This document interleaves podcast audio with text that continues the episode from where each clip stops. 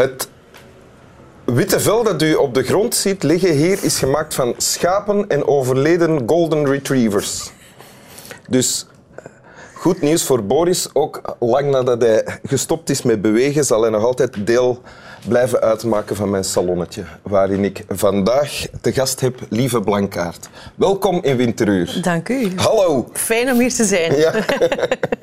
Lieve Blankaart, jou kennen we als... Uh, je bent van oorsprong fotograaf, ja, ja, denk ik. Ik ben van oorsprong fotograaf, zo, zo is het. En maar je doet ook aan journalistiek. Ja, zo langzaamaan is er van alles bijgekomen en ondertussen uh, help ik mee aan televisieprogramma's maken. Um, doe ik ook wel wat journalistiek enzovoort. Ben je Dus, nu een, een tv-programma aan het maken? Ja, we zijn nu bezig met het uh, derde deel van het drieluik Birthday, Wedding Day en nu Last Days. Wat betekent het om oud te worden en te sterven op deze planeet? Dus, Daarover ben je nu een programma Daar zijn we nu aan bezig, aan ah, ja, bezig. okay. Ja. Heel boeiend. En wanneer komt dat? Uh... Oktober 18. Ah, oké. Okay. Dus nog eventjes. op Canva. Canvas. Nee, op één. Op één, oké. Okay. en je hebt een tekst meegebracht? Ik heb een tekst meegebracht uh, van uh, Primo Levi. Is dit een mens? Primo Levi, een uh, holocaust-overlevende. Ja. Overlevende van het kamp. Ja, van Auschwitz, ja. van het lager. Hè. En ehm, ja, ik heb dat boek gelezen toen ik, eh, ik denk, 16 jaar was of zo. Niet veel ouder. Dus dat is toch al meer dan tien jaar geleden? Zeker, ja. ja. al meer dan tien jaar geleden. En, wil, wil, je de tekst voorlezen? Ja, ah, ja wil, je wilt dat meteen. Wie doodt is een mens. Wie onrecht doet of lijdt is een mens. Geen mens is hij die elk gevoel van grenzen verloren heeft en zijn bed deelt met een lijk.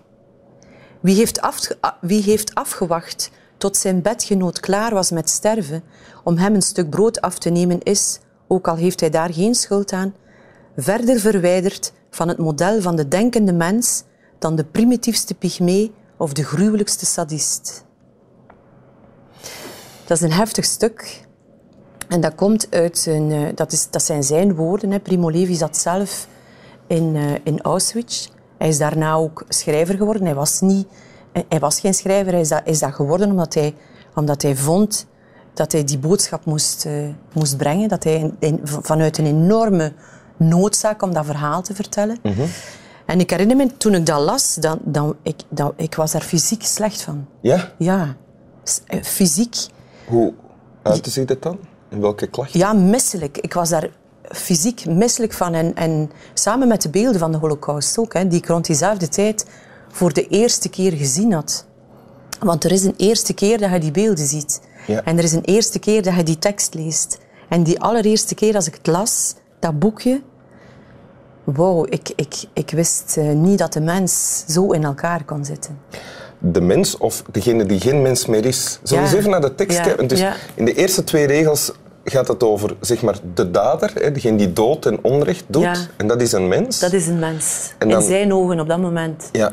Maar dan degene die door de dader helemaal ontmenselijkt wordt is geen mens. en naast een lijk ligt Te eh, wachten. te wachten tot het helemaal dood is om het eten te stelen, zegt is ontdaan van zijn menselijkheid. Ja, ik geloof dat ook wel, dat dat kan. Ik heb dat gelukkig nog niet meegemaakt en ik hoop dat dat ook nooit gebeurt. Maar hij heeft het meegemaakt en heeft het gezien en, en gevoeld wat het is om ontmenselijkt te worden. En, maar je, je hebt dat toen gelezen, toen Ja. je 16 was. En je kiest dit nu opnieuw als tekst. Ja, omdat er zo teksten zijn, eh, boeken zijn die uw leven bepalen. Of uw visie bepalen op het leven. En dat was voor mij zo'n boek. Dat was echt zo'n... eh, ja, een eye-opener bijna van hoe dat mensen... Ik had waarschijnlijk daarvoor een heel naïef beeld over wat mensen zijn. Maar ehm, Dus de jonge lieve Blanca Ja. is daar uit dat roze wolk verdreven of zo. ja ik, ja, ik denk toch wel dat dat voor mij een harde klap was. In die realiteit waarin dat we kunnen terechtkomen en zijn vandaag nog altijd. Want het is vandaag erger dan ooit, hè, eigenlijk. Hoe bedoel je? Is Ja. het nu erger, of wat bedoel je daar? Ja, nee, de holocaust is natuurlijk eh, een niet te meten eh, afschuwelijk verhaal. Als je bedenkt hoeveel... eh, in Auschwitz alleen al schat men dat er ongeveer 10 miljoen mensen zijn gestorven. Maar de, de, de tragedie die zich vandaag afspeelt, is ook immens. De slavernij, die, die massa's, honderdduizenden, miljoenen mensen die on the road zijn en heel zwak staan in een positie zijn. Ik denk dat je heel snel herleid bent tot geen mens meer. En is dat dan iets dat je, want je, je hebt ook al wel wat afgereisd, denk je? Is dat, is wel iets dat ik zie, ja. En dan neem je dit mee? Of, of hoe... Dat blijft bij mij hangen. Ook uh, uh, die tekst blijft hangen, maar ook wat ik daaruit geleerd heb uit dat, uit dat totale boek hier. Wat dat mij enorm is bijgebleven, is dat je in gelijk welke situatie dat je kunt terechtkomen, zelfs al is ze de meest gruwelijke, zoals bijvoorbeeld ontdaan van alles, van alles wat je hebt in een vluchtelingenkamp onder een plastieke zeil. Je gaat in dat kamp een structuur nodig hebben om te overleven. Je gaat een soort pikorde moeten krijgen om te kunnen blijven bestaan binnen die chaos. In, in de, de, gemeenschap bedoel je? In die gemeenschap. Ja? Waar dat je denkt van, als je denkt aan Auschwitz of je denkt aan, aan de vluchtelingenkampen of welke situatie dan ook waar iedereen ontdaan is van alles, zelfs daar heb je een soort pikorde nodig om te kunnen overleven. En dat, dat lees je ook in dit boek heel duidelijk.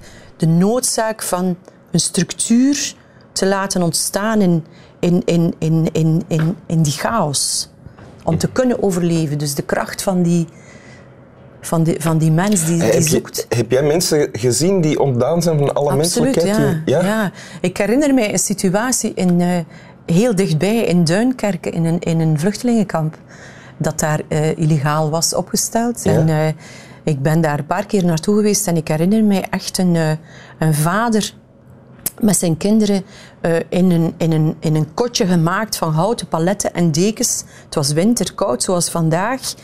En ik fotografeer die mensen, ik portretteer die mensen ingewikkeld in die dekens, hoe dat ze gaan slapen, hoe dat ze zich inpakken om te slapen. En die vader die zit naast mij, naast mijn camera en hij kijkt mee door de lens. Hij was enorm geboeid wat ik aan het doen was. hè. Mhm. En, ik, en ik, ik, heb een, gesprek met hem. Hij sprak ook heel goed Engels. Het was een leraar Engels geweest.